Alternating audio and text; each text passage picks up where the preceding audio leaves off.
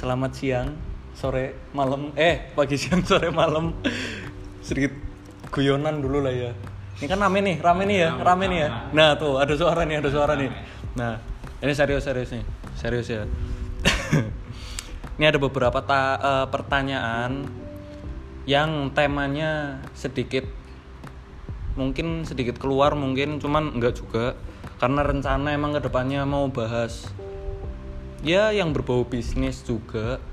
Oke lah jadi kebetulan nih ada masternya saham yang minta tolong jangan disebutkan namanya. Ya sudahlah nggak apa-apa.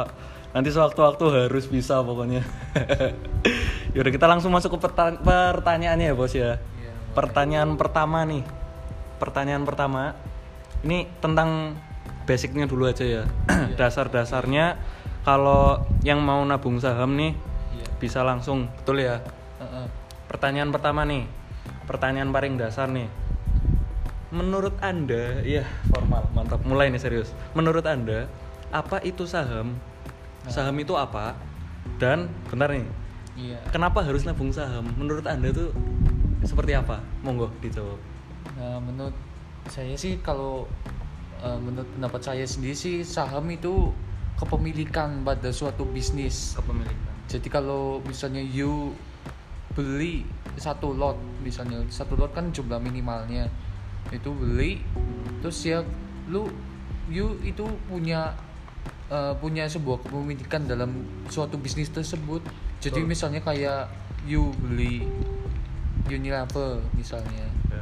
satu lot aja nah itu you itu udah termasuk pemegang saham Unilever udah termasuk pemilik dan yang bertanggung punya. jawab Heeh. atas perusahaan tersebut Itu ya. nggak perlu. Maksudnya bukan bertanggung jawab ya bahasanya apa tuh owner ya secara nggak langsung Owner. ya owner pemilik Iya, lah ya pemilik. cuma satu lot nah satu lot satu lembar pun pemilik Oh, iya. betul itu pengertiannya ya Heeh, pemilik. pengertiannya terus ada lagi mungkin terus kalau tadi eh, nabung saham kenapa kenapa harus nabung saham kenapa nih? Sebetulnya sih tabungan ada banyak sekali macamnya. Kan ada deposito ada juga tabungan di bank biasa tapi Betul. bunganya kecil banget ya. Nah. terus ada juga obligasi ada juga reksadana tapi imbal hasilnya yang kita pilih loh. Betul. Kan kalau tabungan di bank biasa paling cuma 2% kena potongan bla Nah, bla bla betul. macem-macem. Terus kalau tabungan kalau di deposito paling 5% 4 4 sampai 5 lah. Betul. belum lagi kena pajaknya 10 20% aduh iya sakit ya. benar benar. Terus kalau di obligasi ya 8 sampai 9 lumayan lah 8 sampai 9% per tahun. Nah kalau reksadana mungkin ya di bawahnya saham sih. Di bawah saham sedikit lah satu persen dua persen. Jadi saham yang paling tinggi. Tapi nih untuk para potong dulu nih ya. Ya kalau untuk para pemula nih Iya. untuk para apa nih ya para pemula yang mau mencoba untuk nabung saham cuman mungkin masih agak ragu mungkin eh bisa nggak sih kalau semisal lewat mungkin lewat reksadana dulu untuk awalan mungkin atau mungkin ada kata-kata untuk menyemangati mereka atau mungkin seperti apa yang supaya mantep lah buat memulai untuk nabung saham Nah, pertama sih bisa aja reksadana. Kalau misalnya pusing, pusing ah udah nggak mau mikir lah mau kan saham, aduh pusing mikirnya bisnis gituan, nggak usah analisis bla bla bla. ya Dia bisa aja reksadana, tapi ya itu imbal hasilnya kurang dari saham. Mungkin s- 10% per tahun mungkin bisa, tapi nggak tahu itu kan fee-nya kena biayanya lebih besar ya iya kemungkinan. iya iya ada lagi? Terus ya untuk nyemangatin ya dia ini sekarang sekarang kan seratus ribu tok bisa. Nah iya. Bisa muat tuh. Tabung aja sebulan sebulan nabung di saham yang kamu kenal. Misalnya kayak Indofood gitu. Betul. You kan pasti makan lah produknya Iya. setiap mungkin setiap hari makan mie betul Indomie betul, itu betul. Ya itu yang you kenal aja. Produknya yang nggak kenal nggak usah dibeli. Nah lebih baik yang sudah diketahui daripada yang belum tahu sama sekali ya. Iya bagi pemula misal contoh nggak apa nggak tahu tentang contoh nih mungkin ada yang nggak tahu tentang mungkin Wika atau mungkin apa. Iya. yang itu lebih ke konstruksi bukan? Ya kan ya? Oh, konstruksi. Nah mungkin kalau misal untuk pemula yang belum tahu mungkin bisa mencoba dengan suatu hal yang mungkin biasa ditemui seperti contoh mungkin tadi Indofood atau Unilever itu konsumer lah kata Iya, konsumer. makanan sehari-hari biasanya sering banget ditemui betul. Lanjut pertanyaan Iya, kedua. oke. Oke, pertanyaan kedua nih.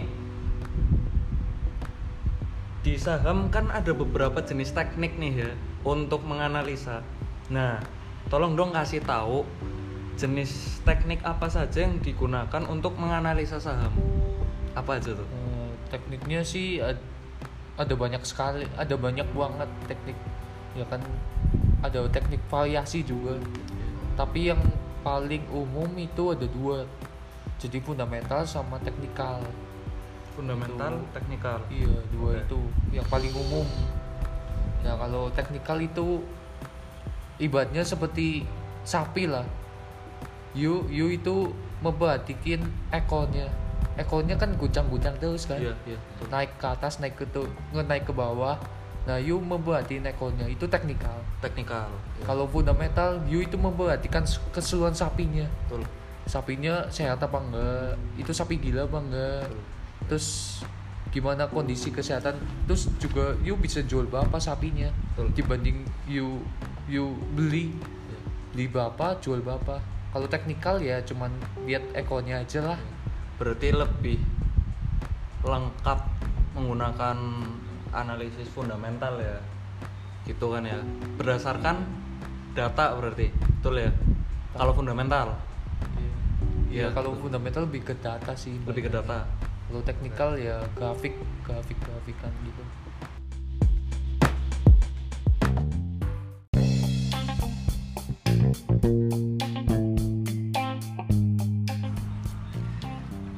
oke nih dilanjut pertanyaan selanjutnya nih ya masih di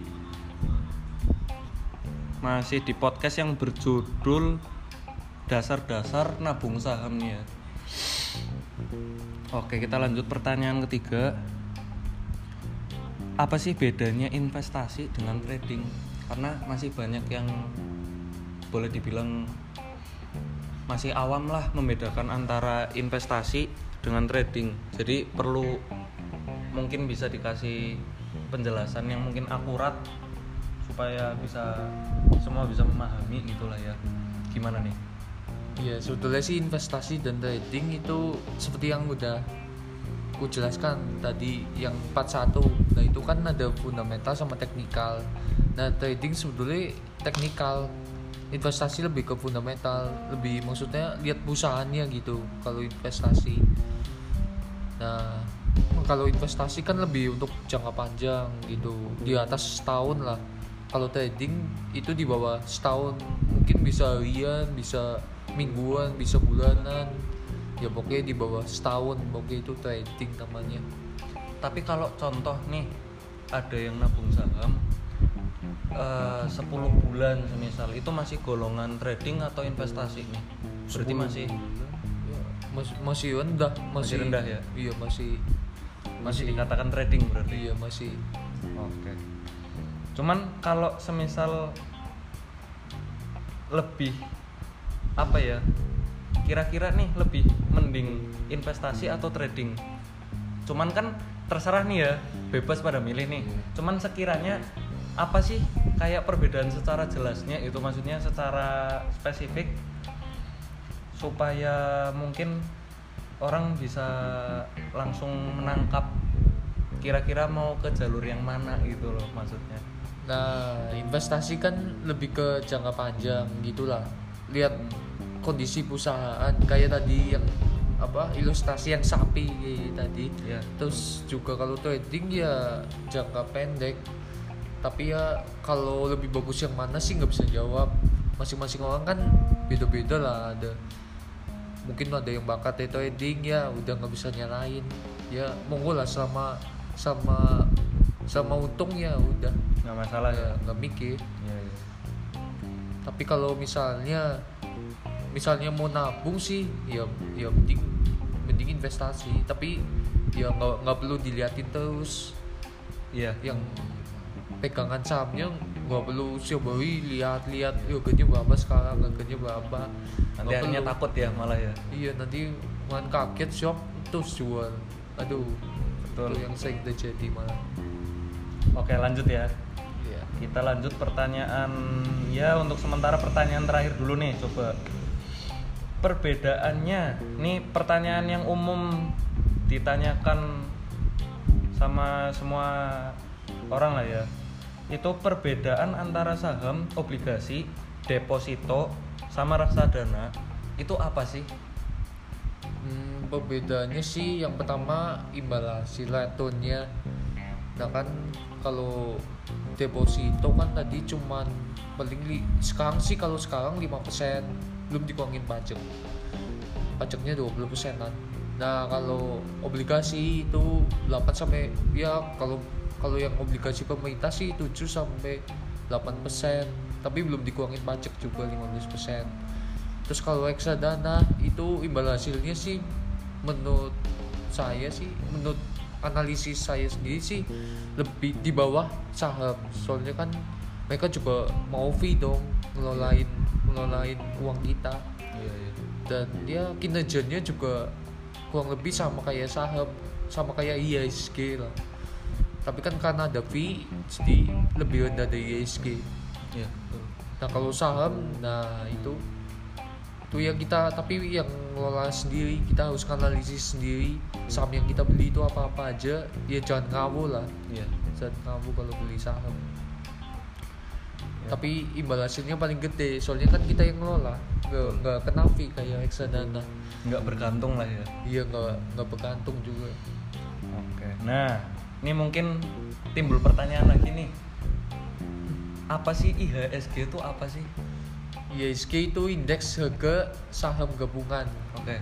jadi semua saham itu eh, di rata-rata terus muncullah harga itu IHSG jadi itu tadi ya. eh, gabungan semua saham sekarang kan ada 700 perusahaan yang udah listing yang udah ada sahamnya nah itu di rata-rata semua terus langsung jadilah IISG harganya tuh di rata-rata Oke.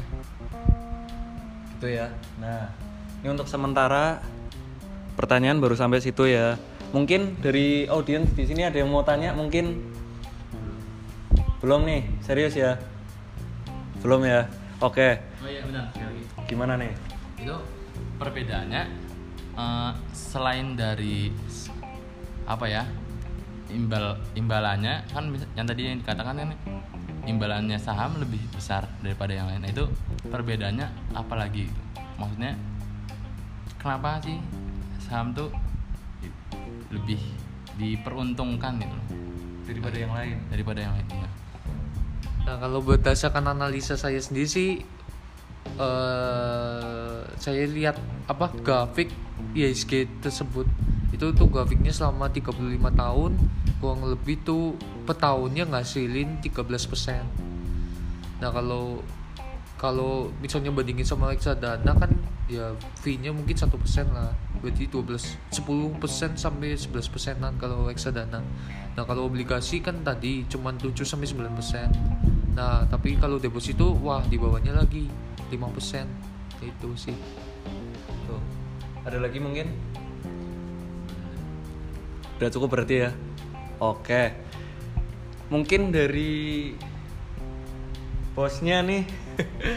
mungkin dari bosnya ada tambahan apa lagi supaya menyemangatkan menyemangatkan para pemula nih untuk mulai nabung saham. wah nanti dikira pom pom nih Aduh, enggak, enggak, enggak, enggak serius. Mungkin untuk untuk penutup aja gitu.